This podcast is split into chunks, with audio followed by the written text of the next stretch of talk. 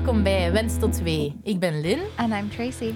en wij praten over alles dat te maken heeft met zwangerschap, I'm birth, postnatale periode trying to conceive en eigenlijk alles tussenin. from the perspective of a local Belgian and an expat Canadian. Wij nemen jullie mee in onze verhalen, interviews en gewoon leuke gesprekken. Thanks for being here. Hope you enjoy. Hello, and welcome to a new episode of Vensto 2. Uh, this episode, we have uh, Charlotte Bormans with us for a cozy little chat. En Charlotte is een vriendin en ook onder andere een doula. Hey Charlotte. Hi. Hoe is het? Goed. We zijn echt jullie? heel blij dat je hier bent, hè, want jij komt van, eh, van Antwerpen. Ja. Dus je hebt wel even moeten rijden, maar kijk, je bent er geraakt en we zijn echt super blij dat jij er bent. Ehm, wij gaan met jou vandaag gewoon leuk babbeltje slaan en vooral ook ehm, luisteren wat dat jouw ervaringen zijn en zo. Ehm, maar misschien kunt je jezelf even kort voorstellen voor de luisteraars. Ja, ik ben eh, Charlotte. Ik ben 34, mama van twee zoontjes. Eentje van twee en eentje van vier.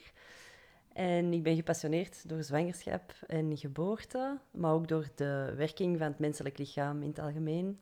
En over de kracht van het brein tijdens de fysiologische geboorte. Dus ehm, Mhm. ik weet niet welke vragen jullie mij gaan stellen. Ik ben zelf ook heel benieuwd. Ik denk dat wij gewoon... ehm, Allee, we kennen al een beetje van jouw achtergrondverhaal. How did you, sorry, how did you guys meet? Oh ja, ehm, eigenlijk, als ik er dan zo over nadenk, denk ik van... ehm, wel zotjes dat wij uiteindelijk toch zo goed allee, bevriend zijn geraakt, als ik dat mag zeggen. Ehm, dus ik heb in een vorige aflevering, ik denk dat dat zelf de eerste aflevering was, verteld over hoe dat ik überhaupt bij het concept van doula ben gekomen. En dat was dus via een vroedvrouw die eh, had gezegd, ja, ehm, waarom probeert je niet... Allee, of waarom zoekt je niet op of dat je doula wilt zijn of wat het dan inhoudt. En dan zei ze, ja, want ik heb een vriendin uit Antwerpen, die is ook doula. Misschien moet je met haar eens gaan praten. En die vriendin was dus Charlotte. En zelf nog voordat ik de opleiding effectief was gestart, had ik haar al een berichtje gestuurd. We hadden wel heen en weer wat maar ja, berichtjes gestuurd, maar als je die niet kent, als je elkaar nog niet gezien hebt of zo, kun je niet echt inschatten hoe die persoon is. Ehm, en dan hebben we elkaar op een doula-dag van de federatie een keer ontmoet. En eigenlijk vanaf dan zijn we eigenlijk blijven beginnen praten. Wat dat eigenlijk zot is, want allee, als je iemand ene keer maar ontmoet of zo, is dat niet direct van oké, nu ben jij mijn vriendje. Terwijl dat ik dan nu wel zo meteen het natuurlijke gevoel had. Ehm alleen voor mij persoonlijk, om- ook omdat wij zoveel raakvlakken hadden of zo, denk ik. It's not like you did training together or anything. I think that's so cool. Nee, Nee. De- we hadden eigenlijk geen enkele rechtstreekse connectie buiten dan dat we ja, samen allee, in dezelfde federatie van doula's zaten. En ja, als we dan begonnen praten, hadden we wel veel gelijkenissen of zo. Mhm. En ook zo eh, het ehm, idee van doula, denk ik, of gewoon het, het, de manier naar zo kijken naar de vrouw en naar de zwangerschap en zo, is wel redelijk gelijklopend. Dus ehm, ja, voilà. En nu is zij mijn doula-vriendinnetje. That's so cool. Ehm, maar ik denk dat het misschien echt interessant is om, ehm, om eens te vertellen hoe dat jij bij het doula-concept bent gekomen. Eh, want allee, het is wel een heel interessant achtergrondverhaal, vind ik dan zelf persoonlijk. Eh, ik moet even aan teruggaan. Toen ik Mm. eh 18 was, wou ik eigenlijk al vroeg kunnen studeren.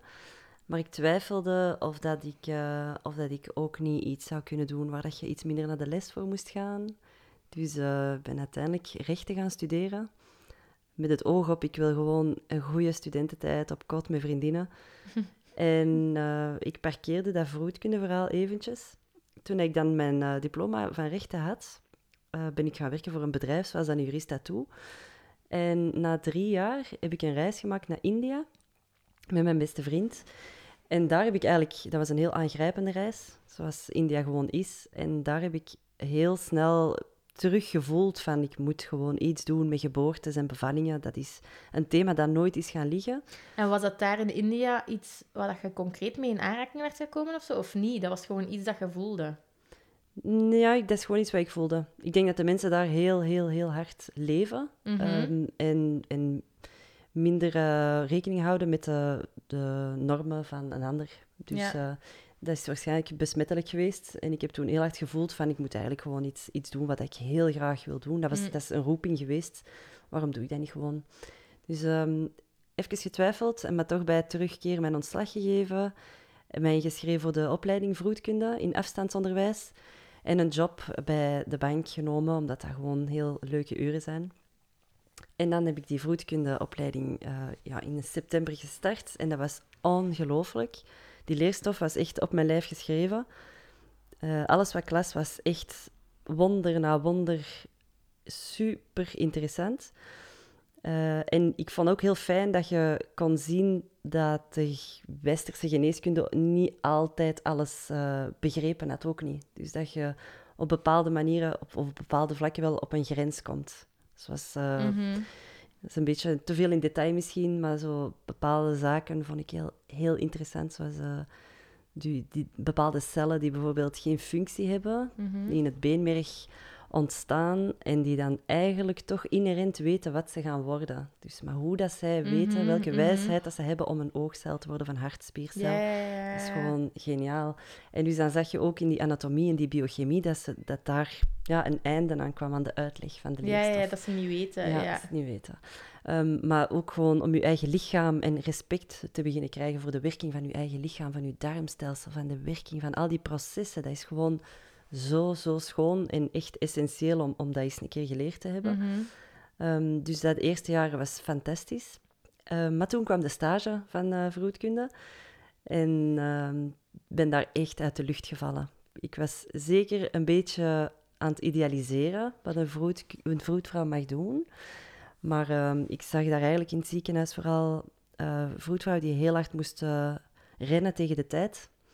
Heel veel eh, administratie moesten opnemen, wat ook heel begrijpelijk is. Mhm. Maar dus geen tijd meer hadden om eh, naast hun patiënten te zitten en te kijken en te luisteren naar wat die vrouwen eigenlijk nodig hadden. Ehm, terwijl dat ik ervan overtuigd ben dat alle vroedvrouwen dat in C wel willen doen. Maar er is, ze zijn gewoon onderbemand, zoals alle sectoren in onze economie.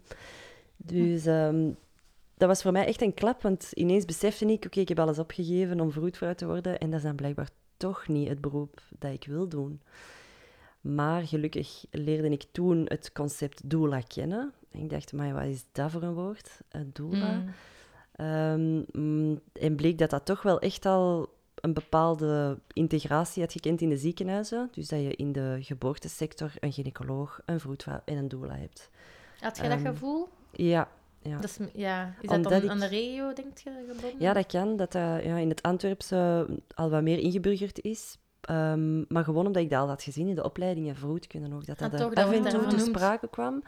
Eh, en gewoon in de, ja, de stages. En je komt in aanraking met veel Mhm. vroedvrouwen. Dus zij kennen dat woord wel. eh. Eh, dus ehm, ja, En- zo ben ik bij, het, bij de term doula gekomen. En dat was voor mij echt een opluchting. Dus ik ben de opleiding gaan volgen. Dat was in 2016. En dat was echt ineens alles perfect, kwam op zijn plaats. Eh, dat was echt de rol die ik moest hebben in de, de verloskamer. Ja. Dus, ehm, En dus dan het is- zeg je vrijwel onmiddellijk al de direct bevallingen beginnen begeleiden? Of was dat Eh, even... ja, je, je moet aan stage lopen. Ehm, ja, en dan ja, is dat eigenlijk heel snel gekomen. Ik was toen nog altijd bij de bank aan het werken. Dus dat was voor mij ook al direct een confrontatie met hoe stresserend dat het is om permanent van weg te zijn. Voor mij is dat Mm. echt eh zenuwslopend om op elk moment van de dag alles te moeten laten vallen en u te moeten haasten naar de verloskamer. Maar ehm, ja, dat is ook iets wat dat je aan kunt wennen, denk ik. Eh, en voor sommigen ligt dat wel, anderen niet. Dus als we je vragen, wat is het eh, voor u het, het moeilijkste of het meest... ehm, moeilijkste is nu niet het, het juiste woord, maar zo ehm, uitdagendste in... Ja. Dan is dat het, Ja, absoluut. Die permanente oproepbaarheid vind ik persoonlijk het moeilijkst. Eh, en dat wil ook zeggen dat je permanent online moet zijn, want je mocht echt geen WhatsAppje missen, je mocht geen telefoon missen, dag en nacht. Zeker met de kinderen vind ik dat wel echt moeilijk. Als we eens een dagje naar de zee willen, dan moeten we met twee auto's gaan, dat één echt direct moet kunnen vertrekken. Ehm, je mocht ook niet drinken. Dat lijkt evident, maar dat is altijd wel vijf weken aan een stuk voor één eh, zwangere. mhm. Dus eh, ja. Maar het weegt blijkbaar toch niet op. Uh, het getuigen zijn van een bevalling is nog altijd zo intens en zo verrijkend dat het, dat, dat, allemaal, dat dat al die sacrifices goed maakt. Mhm. En um, momenteel heb je, uh, zeg je een actieve doel aan, actieve doel aan nu? Of, of, oh, ik, nee, ik, ik consider myself Beschouw mezelf? Ik beschouw mezelf niet echt als een, uh, als een actieve doula. Zoals dat ik uh, weet dat er bepaalde actieve doula's in Vlaanderen bezig zijn, die dat dus echt als fulltime job doen. Um, ik denk dat dat ook een um, bepaalde structuur vraagt van je gezin, zoals ik daar mhm. straks zei. Ja. Uh, dat, zowel op financieel vlak, we moeten daar niet raar over doen, um, als op de leeftijd van je kinderen. Hoe zelfstandig zijn die al om naar school zelf te kunnen gaan, s ochtends als jij nog in, in het ziekenhuis bent, van heel de nacht een bevalling te begeleiden. Um, en je moet ook uh, een partner hebben die uh, een flexibele job heeft, die uh, alles direct kan overnemen. Dus de structuur moet zich echt wel nog zetten bij ons, dus, voordat ik mijn eigen een, een voltijds actieve doula kan noemen. Maar je hebt wel een andere belangrijke rol binnen de federatie dan? Of toch een rol? Ja, een rol. Ja. Binnen de federatie ben ik bij dagelijks bestuur en daar um, probeer ik de naamsbekendheid, probeer ik de, het imago van de doula een beetje um, ja, te verbreden eigenlijk. Want sommigen denken nog altijd dat wij naar wierook ruiken. en dat wij massages komen geven in het verloskwartier. En dat is echt uh, heel achterhaald en heel spijtig. Gelukkig bij, de, ja, bij het medisch personeel is dat niet meer zo. Hè? Dus uh, daar worden wij echt, vind ik, heel positief onthaald in ziekenhuizen. En door de meeste gynaecologen en vroedvrouwen echt met open armen onthaald, omdat we echt een steun zijn voor hun ook. Om een betere patiëntenzorg te kunnen verlenen. Maar het is meer in het, uh, de, ja, de cultuur van, uh, van de Vlaamse ouders. Is een doula gewoon nog niet gekend. Uh, dus daar wil ik echt wel mee aan werken. Aan die kar kan ik nu al trekken. En dan hoop ik op termijn, ehm, ja, als mijn, mijn kinderen ouder zijn, mm. meer begeleidingen te kunnen doen. Mm. Did, you didn't have kids when you started the mm. opleiding? Nee. nee, so, nee. did that affect, like, having children after that, did that affect your birth choices and the things that you wanted from your birth? Or because you'd always kind of had a passion for it. Maybe you, like, for me personally, m- my view hasn't. I wanted a home birth before I started my training, mm-hmm. and I'm planning one again this time. But I know for Lynn, it, it, it has been a big change. Ik denk dat, dat de doula-opleiding mij wel uh, heeft doen inzien dat, dat elke vrouw het recht heeft om te bevallen op de manier waarop dat zij in het leven staat. Uh, dus als zij een epidurale wilt, als zij een keizersnede wilt, mm. als zij thuis wilt bevallen alleen. Uh, we mogen echt gewoon geen oordeel hebben. Uh, wel zien natuurlijk wat dat kan binnen de medische risico's. En, en zien dat er wel een, een zorgverlenend team is rond haar. Maar voor mij persoonlijk heeft dat mijn keuzes niet echt beïnvloed, denk ik. Ik hm. heb gewoon... Ik heb wel twee heel mooie bevallingen gehad. Ik heb het geluk gehad dat de, de houding van de kindjes goed was. Dat ik uh, veel vertrouwen had en dat, dat er fysiologisch gewoon geen enkel probleem was. Um, is dat nu door die opleiding? Dat kan, ja. Dat ik nog hm. meer vertrouwen heb gekregen in de werking van mijn lichaam. Um, en dan een stukje dat vroedkunde, die vroedkundeopleiding... Ja als je de werking uh, echt begrijpt en als je de, de opties echt kent die je hebt en je, je bent bereid om verantwoordelijkheid te nemen voor de keuzes die je gemaakt mm. hebt, dan uh, heb je eigenlijk altijd een mooie be bevallingsbeleving, denk ik. Mm. Wat, um, als, als doula zijnde, um, of allee, ik zou zeggen, begeleider van van zo die processen, bevallen en zwanger zijn en zo. Wat is voor jou het allerbelangrijkste? Allee, als, van waarde als doula. Wat vind jij, waar hecht je het meeste belang aan tijdens jouw begeleidingen? Is dat het emotionele aspect of is dat meer van het informatieve? Of is, dat, of is er niet echt iets, of zo, het, uh, het feit dat ze de rechten hebben en die rechten moeten kunnen aanspreken? Of, of is er niet echt specifiek één ding waar dat jij echt het meeste belang aan hecht? Ik ben altijd heel blij als ik zie dat, uh, dat ze een mooie bevallingsbeleving uh, hebben gehad, zoals ik daar straks zei. En dus dat dat niet uitmaakt hoe dat het uh, scenario uiteindelijk is eh, uitgelopen. Hm. Dus ik, ik vind het gewoon heel belangrijk in de begeleidingen om ja, aan, alle opties aan te reiken. En, en ik vind het ook echt heel belangrijk dat ze de verantwoordelijkheid nemen als ouder tijdens de zwangerschap al voor de eerste keer beginnen te beslissen van hoe willen wij dit kind op de wereld brengen, Ehm, binnen de mogelijkheden natuurlijk. En eh, hoe, wat is belangrijk voor ons om het gevoel te hebben dat wij gehoord zijn geweest in onze Mhm. wensen en gerespecteerd zijn geweest binnen de mogelijkheden van een ziekenhuis. Ehm, dat is voor mij het allerbelangrijkste. Wat, ik, ehm, wat dat wel leuk is, maar dat als een vrouw bijvoorbeeld na een bevalling mijn arm vastpakt en zegt: Oh, dank u, zonder u had ik het echt, echt niet gekund.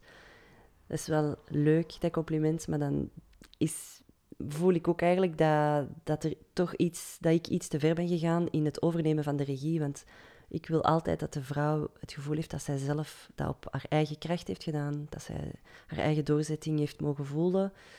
ehm, en dat die heeft kunnen steunen op haar partner. Dus ik mag enkel eigenlijk de brug zijn tussen zorgverlener en, en, en het koppel. Hmm, dat is interessant. Ja. Dus ik wil eigenlijk liever niet dat zij het gevoel hebben dat, dat ik zo'n grote rol heb gespeeld. Maar is dat wat dat ze eigenlijk zegt dan, denkt je? Als ze zeggen van... ehm, oh, super bedankt. ehm, je hebt echt...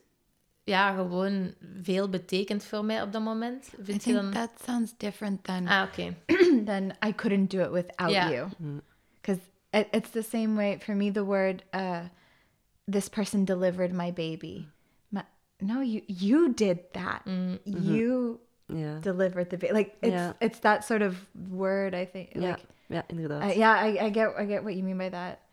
And it sounds like that would be a really nice thing to hear. Mhm. But Ja. yeah, Ja, no, want het draait, you did ja, it. het draait niet... Ja, je wilt Ja. niet dat het om u gedraaid Ja. heeft. Nee. ehm. Nee. Het is gewoon ook fijn dat ze achteraf eh, bij het nagesprek eh, zeggen dat het, dat het hen zoveel kracht heeft gegeven op allerlei andere vlakken in hun leven. Hè? Dus Ja, dat ze echt eh, een soort van eh, inzicht hebben gekregen in zichzelf, in een kracht dat ze niet wisten dat ze hadden. En dat is Mhm. ook, vind ik ook zo mooi aan een, een fijne bevallingservaring, dat dat echt een kans is om te groeien. Mhm. Eh, een, een mooie kans ook om je kind een, een mooiere versie van jezelf te laten zien. Mm. Ja, dat is... En je zei daar straks al van dat je eh, het moeilijke aan, voor u aan zo de, het doula gebeuren is zo dat van wacht staan. Allee, zo constant eh, moeten beschikbaar zijn. Ehm, hoe ervaart... Want voor mij is dat direct gelinkt met zo een balans zoeken. Hè? Balans tussen wat is uw passie, uw gezin, wat wil ik nu eigenlijk doen met mijn leven en zo. Ehm, heb jij het gevoel ehm, dat die balans, dat je die gemakkelijk kunt vinden? Of is dat elke dag wel zo moeilijk om, wel. te vinden? Want ik, ik spreek voor mezelf dat dat, dat lijkt zo het, het, het ding dat je altijd moet... je zit daar altijd achter te lopen, wil ik zeggen. Je zit altijd aan het zo van...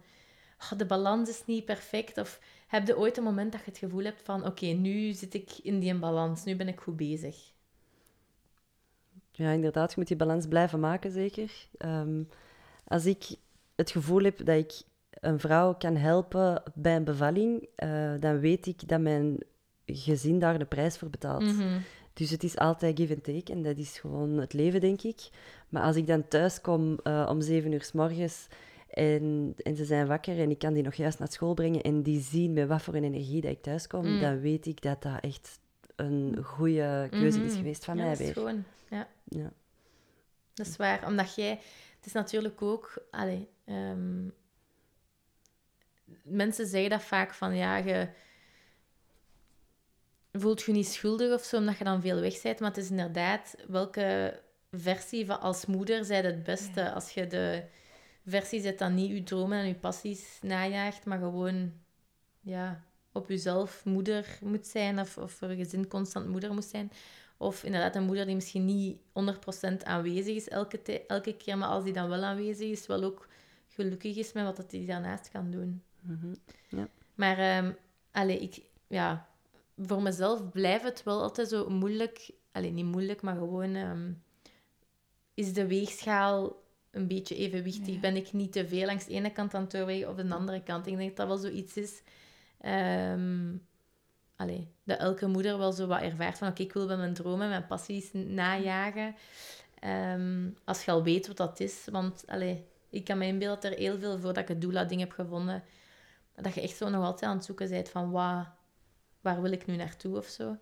Ehm, maar dat je dan inderdaad mijn gezin in combinatie met een gezin wel altijd wat moeilijk is. En als je dan al de chance hebt om een, ondersteunende man te hebben, wat ik wel denk dat wij alle drie... eh alleen je moet mij tegenspreken. Eh, hebben. ehm, dat dat wel zeker een, iets is dat kan helpen. ehm. I think it changes too as your kids grow up. Like you said, when you know that they can get themselves to school and you have a bit more freedom from that perspective because your children are pretty close to Yeah, the I same age, uh, give or take a little bit. Yeah. So you're both in the same kind of situation. Yeah, to try and find that balance. Is so does that come in the form of like saying I'm only going to do this many births this month or is that like how how do you how do you even start with that? Ja, in het begin was dat bij mij sowieso gaan. You had like six births in, januari, one, in like yeah. the span of 2 weeks I remember once.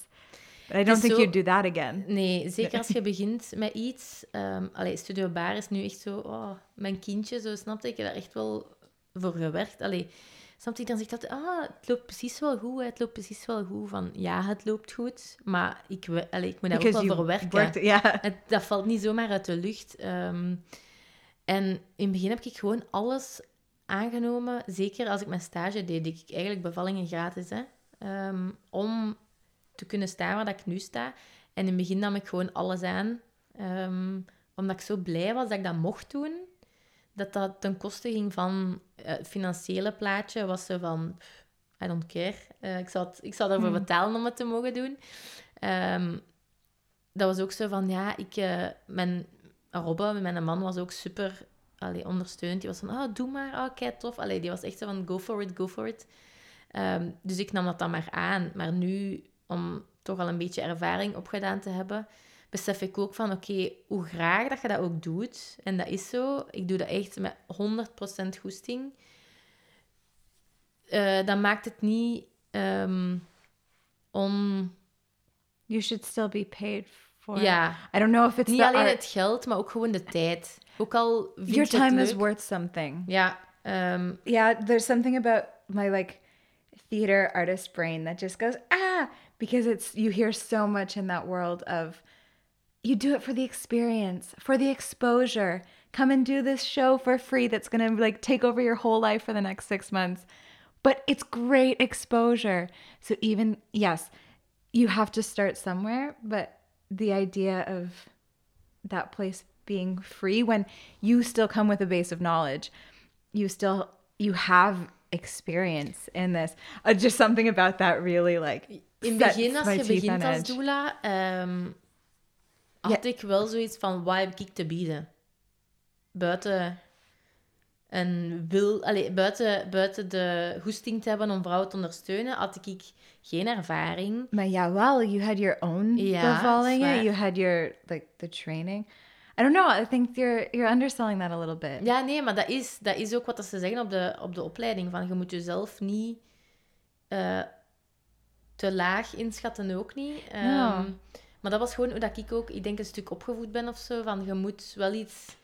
Bring something to the table, snap je? Je moet wel iets Ja. kunnen aanbieden. ehm, en ik denk zeker in het begin had ik echt het gevoel dat mijn ehm, tools... Terwijl ik Ja. nu misschien meer denk van, je moet niet per se tools hebben, je moet daar gewoon zijn eh, voor de vrouwen. Maar in het begin had ik echt wel zo van, ik moet concreet kunnen bieden. En dat had ik in het, gevoel, eh, in het begin totaal nog niet het gevoel. Ehm, dus dan heb ik ook gewoon bijna gratis gewerkt. Maar nu merk ik ook, zeker allee, ehm, in combinatie, ik werk nog bijna fulltime, dus vier vijfde werk ik. Ehm, dan nog Studio Baar erbij. Ik doe niet alleen bevallingen, maar ik doe ook geboorteshoots bij... Allee, dus als fotograaf bij bevallingen en newborn fotografie en zwangerschapsfotografie en een keer daar, een keer daar. Nu die podcast ook. Ehm, En alles met twee kindjes. ja, En dan, dat ik ja. merk van, oké, ik, ik, we gaan binnenkort ook verhuizen. Allee, dat wordt zo heel veel. En nu heb ik al zoveel geleerd van, oké, ik moet niet, hoe graag dat ik het ook doe, ik moet er niet over gaan, want je bekoopt dat sowieso. Ik voel me dan schuldig, eh mom guilt all the way.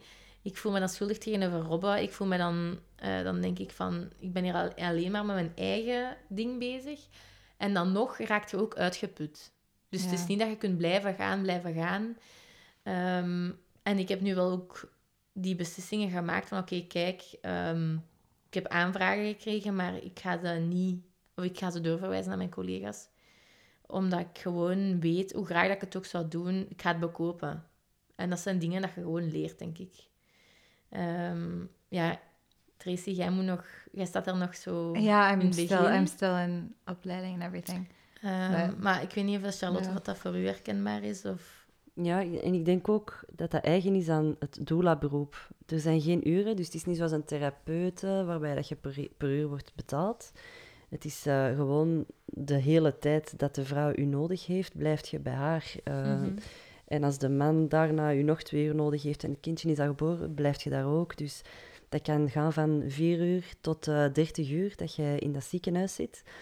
Eh, dus dat, is echt, dat maakt het dubbel zo moeilijk om Mhm. een balans te vinden met je familie. Dus dat vraagt zoveel flexibiliteit eh, dat je dat bijna niet kan vragen eh, in, in, in geld en ook niet in, in energie dat je gezin erin zet om, om alles op te vangen.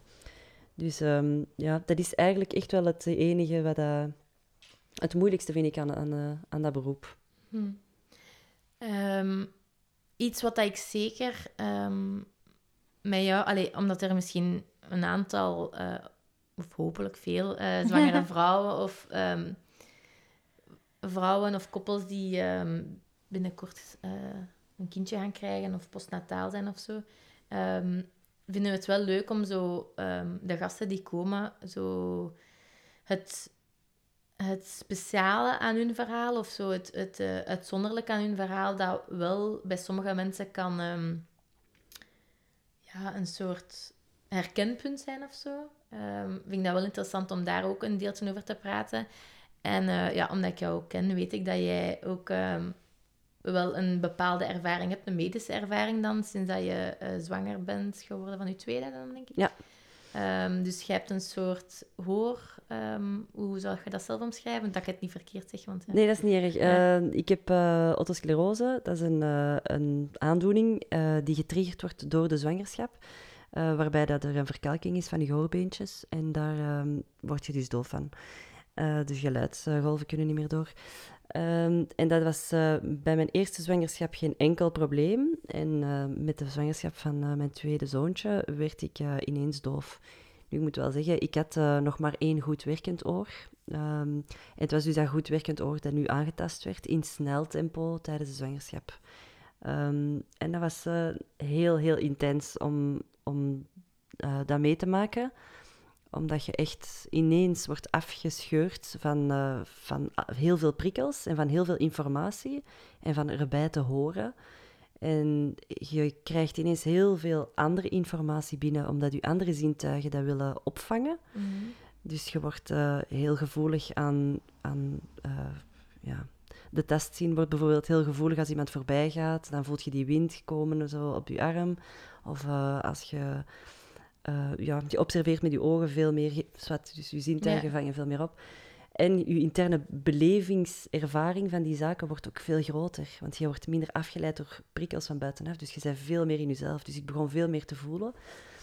Um, en natuurlijk voelde ik me ook, um, ja, dat heeft ook wel iets aan mijn zelfvertrouwen gedaan, hè, omdat ik mij ineens afgescheurd voelde van de arbeidsmarkt, van de mensen, van de groepsgesprekken, van de leuke avonden, de, de, de, de, mopjes dat je niet meer hoort, dus je kunt niet meer lachen.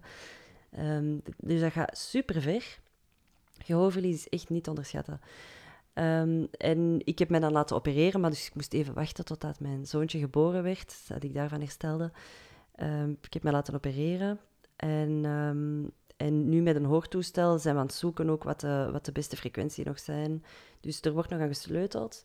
Maar dus dat is inderdaad een van, van, van die heel, heel zeldzame complicaties die kunnen optreden tijdens een zwangerschap. En je zei dat je nog maar één goed oor had. Uh, was dat dan... Uw, uw oor was sowieso al... Jawel, dus die otosclerose, dat is eigenlijk een aandoening waarbij dat je stelselmatig doof wordt. Vooral uh, de vrouwen hebben die aandoening.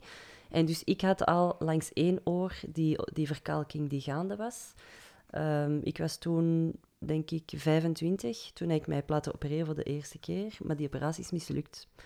Eh, dus de prothese dat ze dan in, eh, in je oor steken, ehm, is losgekomen.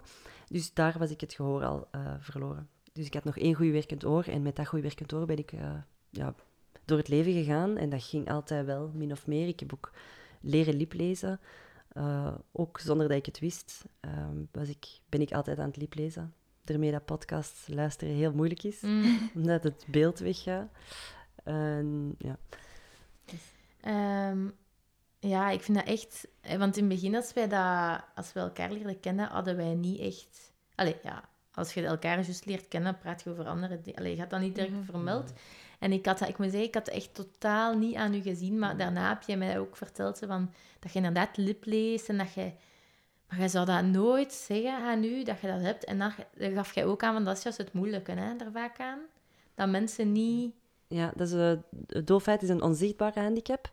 Um, dat wil zeggen dat je vaak uh, de helft wel begrijpt, omdat je hebt kunnen liplezen, plus je hoort wel uh, geluiden. Hè? Dus je, hersenen zijn constant van die geluiden woorden aan het maken. Dus er is heel de tijd interpretatie aan de gang. Dus um, je hoort de helft en je raadt de andere helft.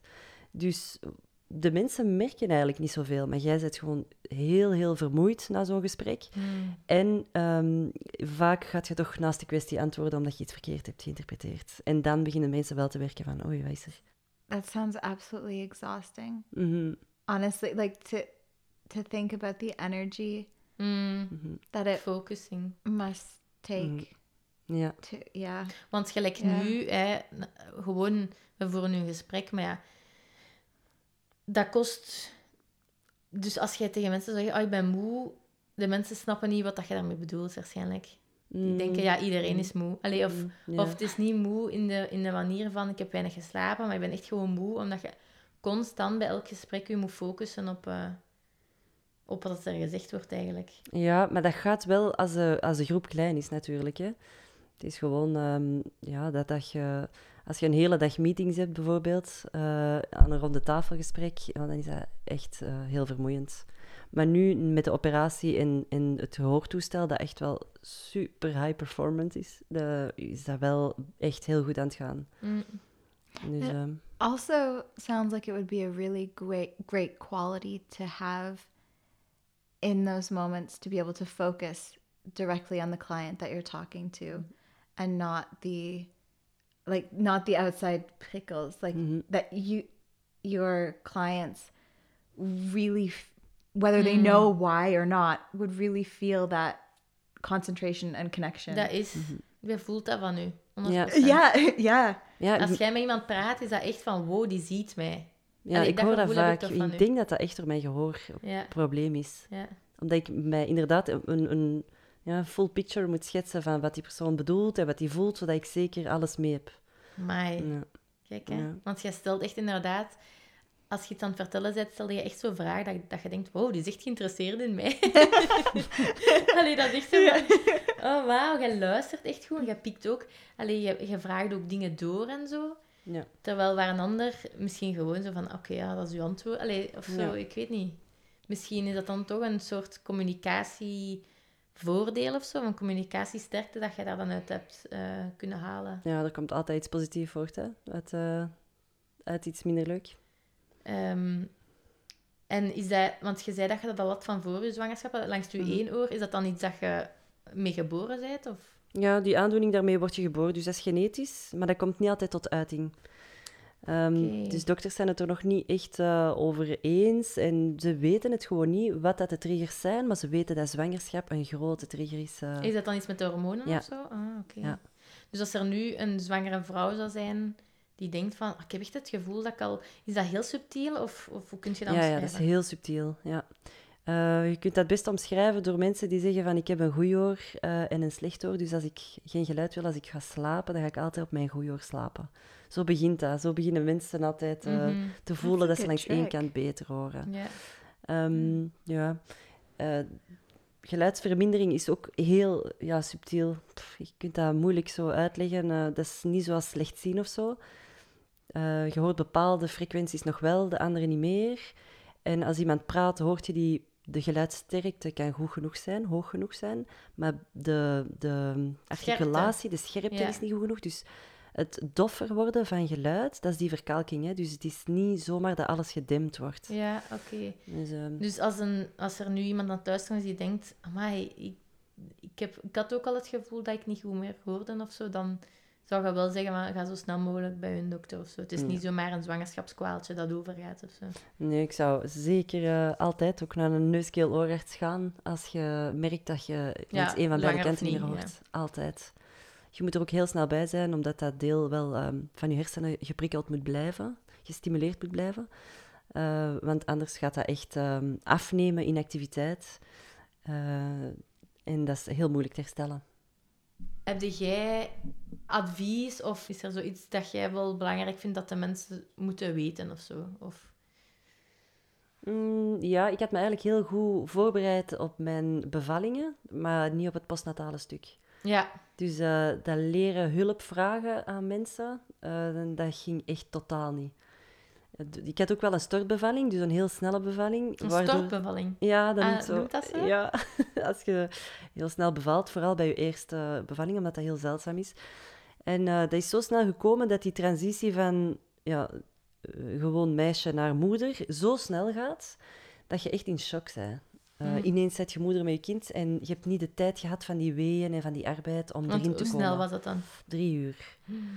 Ja. Ja, want bij Lynn, that was also... Ja, allee, vier vier uur. of... eh, Ja. Maar ik had een epidurale ook wel, hè. Dus ik was wel zo even zo van bewust van mezelf. En van, ja, ik was natuurlijk ook postnataal niet zo top bij Lexi. Nee, ik denk dat dat wel daarmee te maken kan hebben. Eh, Dat die hormonen ineens eh, niet echt de tijd gehad hebben om heel de hormonencyclus eh, te doen. Hè, van die endorfine, oxy- oxytocine, adrenaline. Ehm, dus eh, en ik, hoe zou, was dat postnatale dan? ik zou eigenlijk altijd, als ik nu eh, mensen zie, vriendinnen zie, dan raad ik altijd aan om het postnatale stuk ook voor te bereiden. Dat wil zeggen, op voorhand vragen, eh, bekijk je in je netwerk wie dat je om hulp kunt vragen. Dat wil zeggen iemand die bijvoorbeeld tussen 12 uur en 1 uur heel eventjes kan komen om de baby op het baby te passen en vast te houden, zodat je even kunt gaan slapen. Ehm, goed plannen ook met je partner eh, wel, welke dagen dat die al gaat pakken, zodat je echt je dutjes kunt gaan beginnen inplannen. Want het, ehm, het zwaarste luik aan postnataal is natuurlijk die, die vermoeidheid. Mhm. Die is slopend en daar begint eh, de, de ergernis en, en gaat het in escalatie. Hè? Dus ehm, echt heel waakzaam zijn op kleine uurtjes slaap dat je kan inhalen overdag. En dan alle andere leuke dingen, eh mealtrains, Mm. eh, eh, vriendinnen die langs kunnen komen om, om gewoon mentaal ook Mhm. je een duwtje te geven onder druk. Ja. Was Eh. it better the second time? Mm, yes, ja, Ja. het was wel beter, maar ehm, dat blijft wel iets moeilijk om hulp te kunnen vragen. Ja. Ja. Ja. Maar er was een beetje groei op geweest. dat is al iets. Ja, en ik denk... you think that you learned the lesson the first time. Ja, een klein beetje. Ja. Want eh, er zijn ook zo specifieke... Ik weet niet wat er in- bij ons in België, alleen of in Vlaanderen, veel postnatale doulas zijn.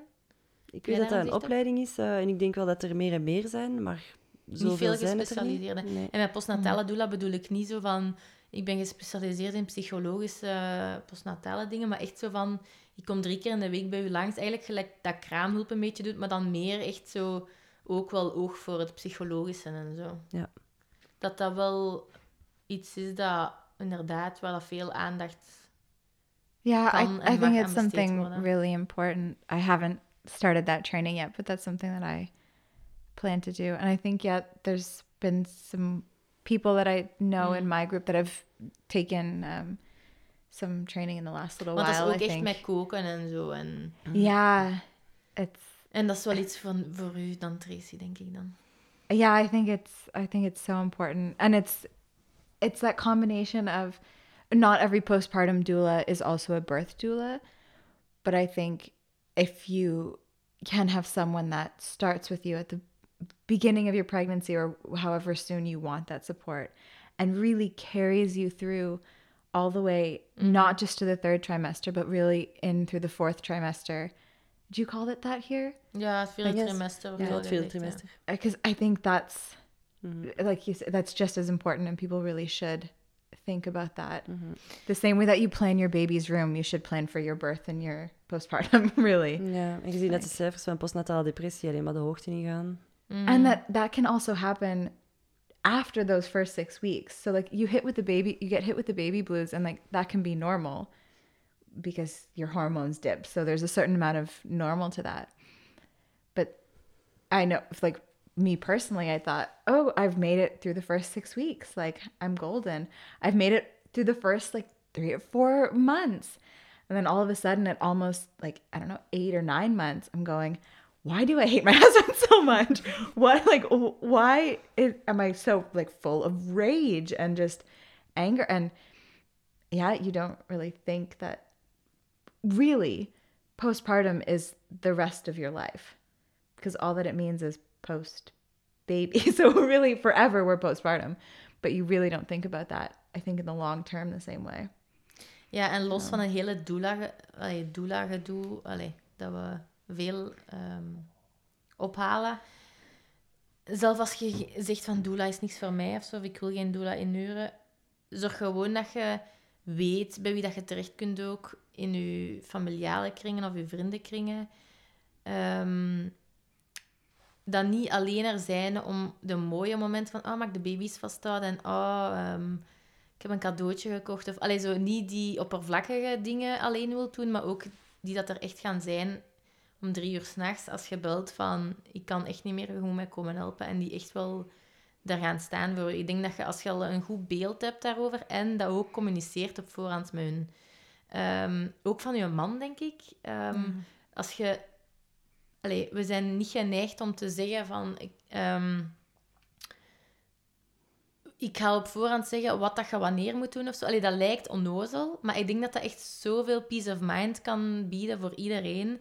Als je echt een plan maakt, als je nog zwanger bent, van kijk, die dagen stikte de was in, die dagen doe de, de vaatwasser, die dagen doe de dat. Zonder dat je op dat moment dat tegen hem, aan hem moet vragen, omdat dat dan energie... Allee, energie ik, ik, It takes energy just to have to ask. ja, dus als ze op voorhand heel goed duidelijk weten wat is mijn rol, hoe kan ik de beste ondersteuning geven. Niet dat de mannen alleen maar moeten thuis zouden doen, maar ik wil zeggen, toch een groot deel uit uw handen kunnen nemen. Of dat de kuisvrouw goed weet wat dat ze moet doen en kraamzorg goed weet wat dat ze moeten doen. En uw vrienden weten, oké, ik ben een van de opties om s'nachts opgebeld te worden als het echt niet meer gaat. Dat uw schoonmoeder weet, blijf buiten of kom binnen. Ehm, dat ze weten van, oké, als je op babybezoek wilt gaan, ehm, het boeit je niet dat je een cadeau mee hebt, maar zorg dat je niet te veel tijd inpakt, dat je eten mee hebt, ja, van die dingen. Ik denk vooral dat communiceren, dat wij echt nog moeten leren. Allee, en wij bedoel ik dan Vlaamse... Ik ga nu niet voor Nee. iedereen spreken, maar algemeen gezien is dat wel echt iets dat wij niet gewoon zijn. Je denkt gewoon van, oké, je bevalt, er komt al tien man... ehm, Oh yeah. er komt al tien man in Oh. het ziekenhuis ehm, kijken naar de baby, maar ze verwachten wel dat je zelf champagne mee hebt. Dat je zelf hun iets kunt aanbieden, dat je hun doopsuiker als gewoon in hun handen kunt duwen. That is such a weird thing. We don't do the like geboortekaartjes and doopsuiker stuff. Is when people have babies here and they give you presents. That was the weirdest thing to me. I mean, maybe there are people, but that is not an experience I've ever had. En who is in Ik, eh, Canada?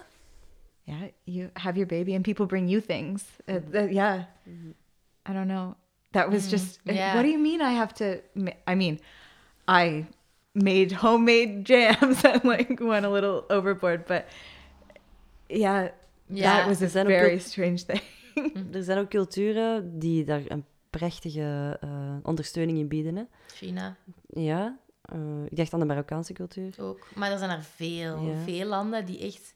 Die eerste 40 dagen komt de vrouw niet uit haar bed, tenzij dat ze het zelf voelt natuurlijk. Hè. Allee, je moet ook niet... Het is geen eh, gouden kooi of zo. Maar echt zo van, we zorgen voor u. Ehm, All of the women in your life ja, are there to. Iedereen, ze spreken onder hun af wie gaat er thuis houden doen. Wie, je moet je eigenlijk van niks zorgen maken buiten rusten. En zorgen voor je kind. Ja, kind- je kind bij je u kind houden voeden, ja. ehm, en gewoon voeden en slapen als de baby slaapt. En voor de rest wordt er voor u gezorgd. En dat lijkt me echt... I gotta say, I kind of had that with my Ja, family here. Misschien daarom dat het zo... honestly. So yeah, that's why the first six weeks seemed so great because yeah, we even the way we arranged our room to bring the baby home, Theo, he has a name, to bring Theo home. The crib was on my side, so that was easy for like middle of the night feeding. Was the plan. Um, but the change table and all of his clothes were on the other side of the bed. So the idea was that I would wake up to feed him, but all of the diaper stuff would happen on Christophe's side of the bed. Uh, I mean, long term, it ended up not being as practical because I was awake anyways. But just the idea that like we're splitting this evenly already felt better. And then Ja, yeah, we to zijn- have family We here. hebben een heel individualistische aanpak, hè. Ehm, Is Over dat alles, de, Op alles? Vlaamse? En met de bevalling en de geboorte moet dat ineens switchen, maar dat is heel moeilijk. Dus je moet dat, je moet dat plannen. Do you think that's that's just like Flemish culture or European culture? Like in Belgium, what is it? Ik denk dat dat een tendens is in heel de wereld. mm.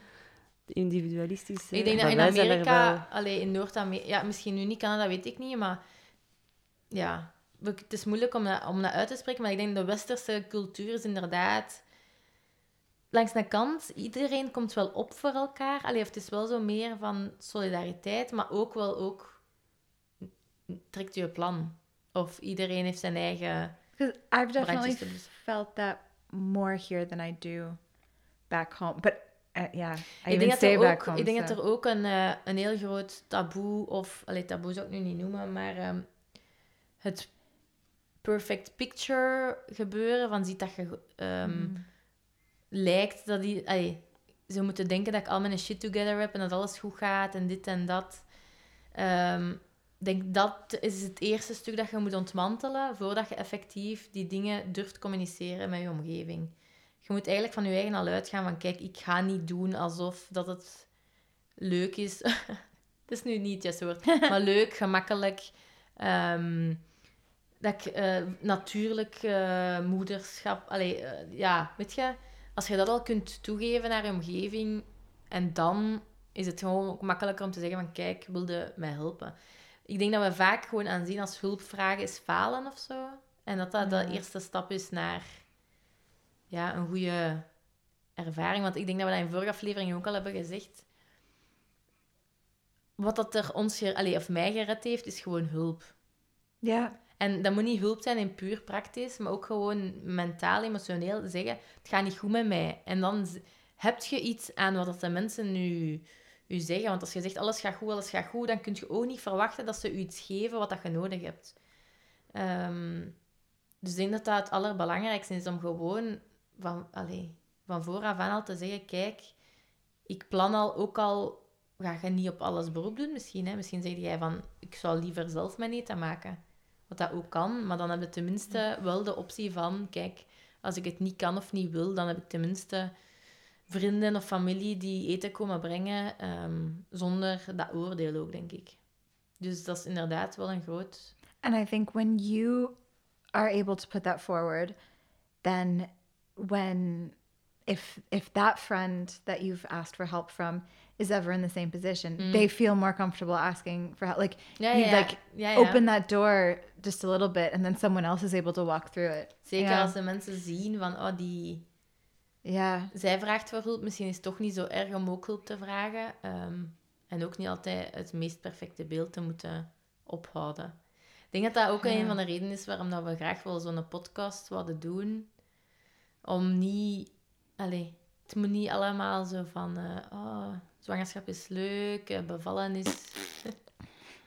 zwangerschap kan leuk zijn, maar ook de andere, de andere kant te laten Ja. zien. Ehm, en gewoon ja, het welzijn van de mentale welzijn, emotionele welzijn van de mama voorop te stellen. En fuck al die verwachtingen. En fuck al die sociale druk. Maar ja, dat is natuurlijk niet zo makkelijk gezegd. En een beetje oppassen met de accounts die je volgt op je Instagram ook. Dat Ja. is ook wel echt iets uh, waar dat je echt een filter op moet gaan beginnen zetten. Want anders maakt je jezelf uh, het Dat is leven wel, je moeilijk. hebt hè. daar wel een interessant visie naar, vind ik. Ja, maar echt, ik meen het. Ja, ik ben daar altijd eh, voor mezelf heel streng op. Om Ja. eh, mijn, eh, voor de beelden dat ik op mijn netvlies eh, laat branden, dat dat niet... eh, geen, Dat dat niet altijd rare, de ja. realiteit is. I think that goes beyond even social media too. Like yeah, filter what comes into your world just in general.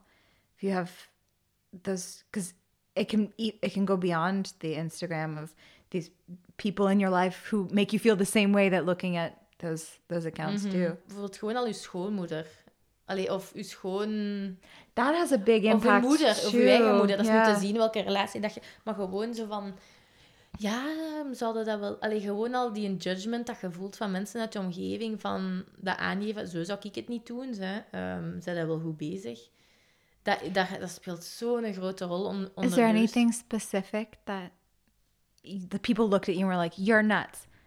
Because I know that happened to us with the we did here. It's called the Rapley method of feeding, baby-led weaning. Did you do that too? No, I Ehm, know the method, but I didn't do Dat is it. zo van... Ja. Ik, zal, ik zal het voor de luisteraars even Ja. verduidelijken.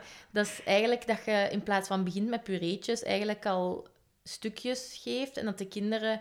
Nat, ja, misschien kun je het in het Engels Ja. uitleggen.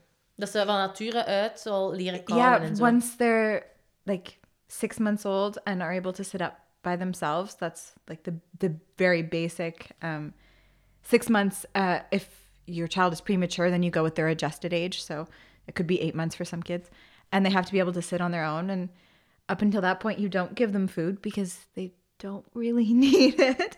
Um, and yeah, they just eat what you eat there are certain things like carrots are very round you would cut them into into quarters grapes automatically quarter Th- there's things like that about how you cut certain things but yeah i've never had to eat a cold meal. People make the best choices for themselves but that's one of those things that um i said to my parents and my in-laws this is what we're doing.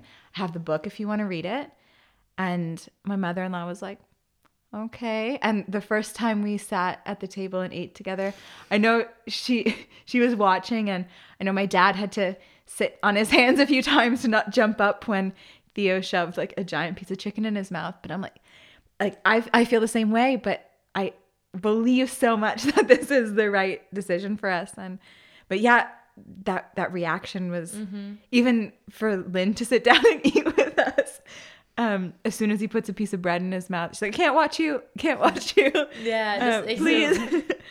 is echt zo die anxiety van, oh my god, please don't choke, please don't choke. Ja. Eh, maar je ziet, die steekt zijn mond echt propvol.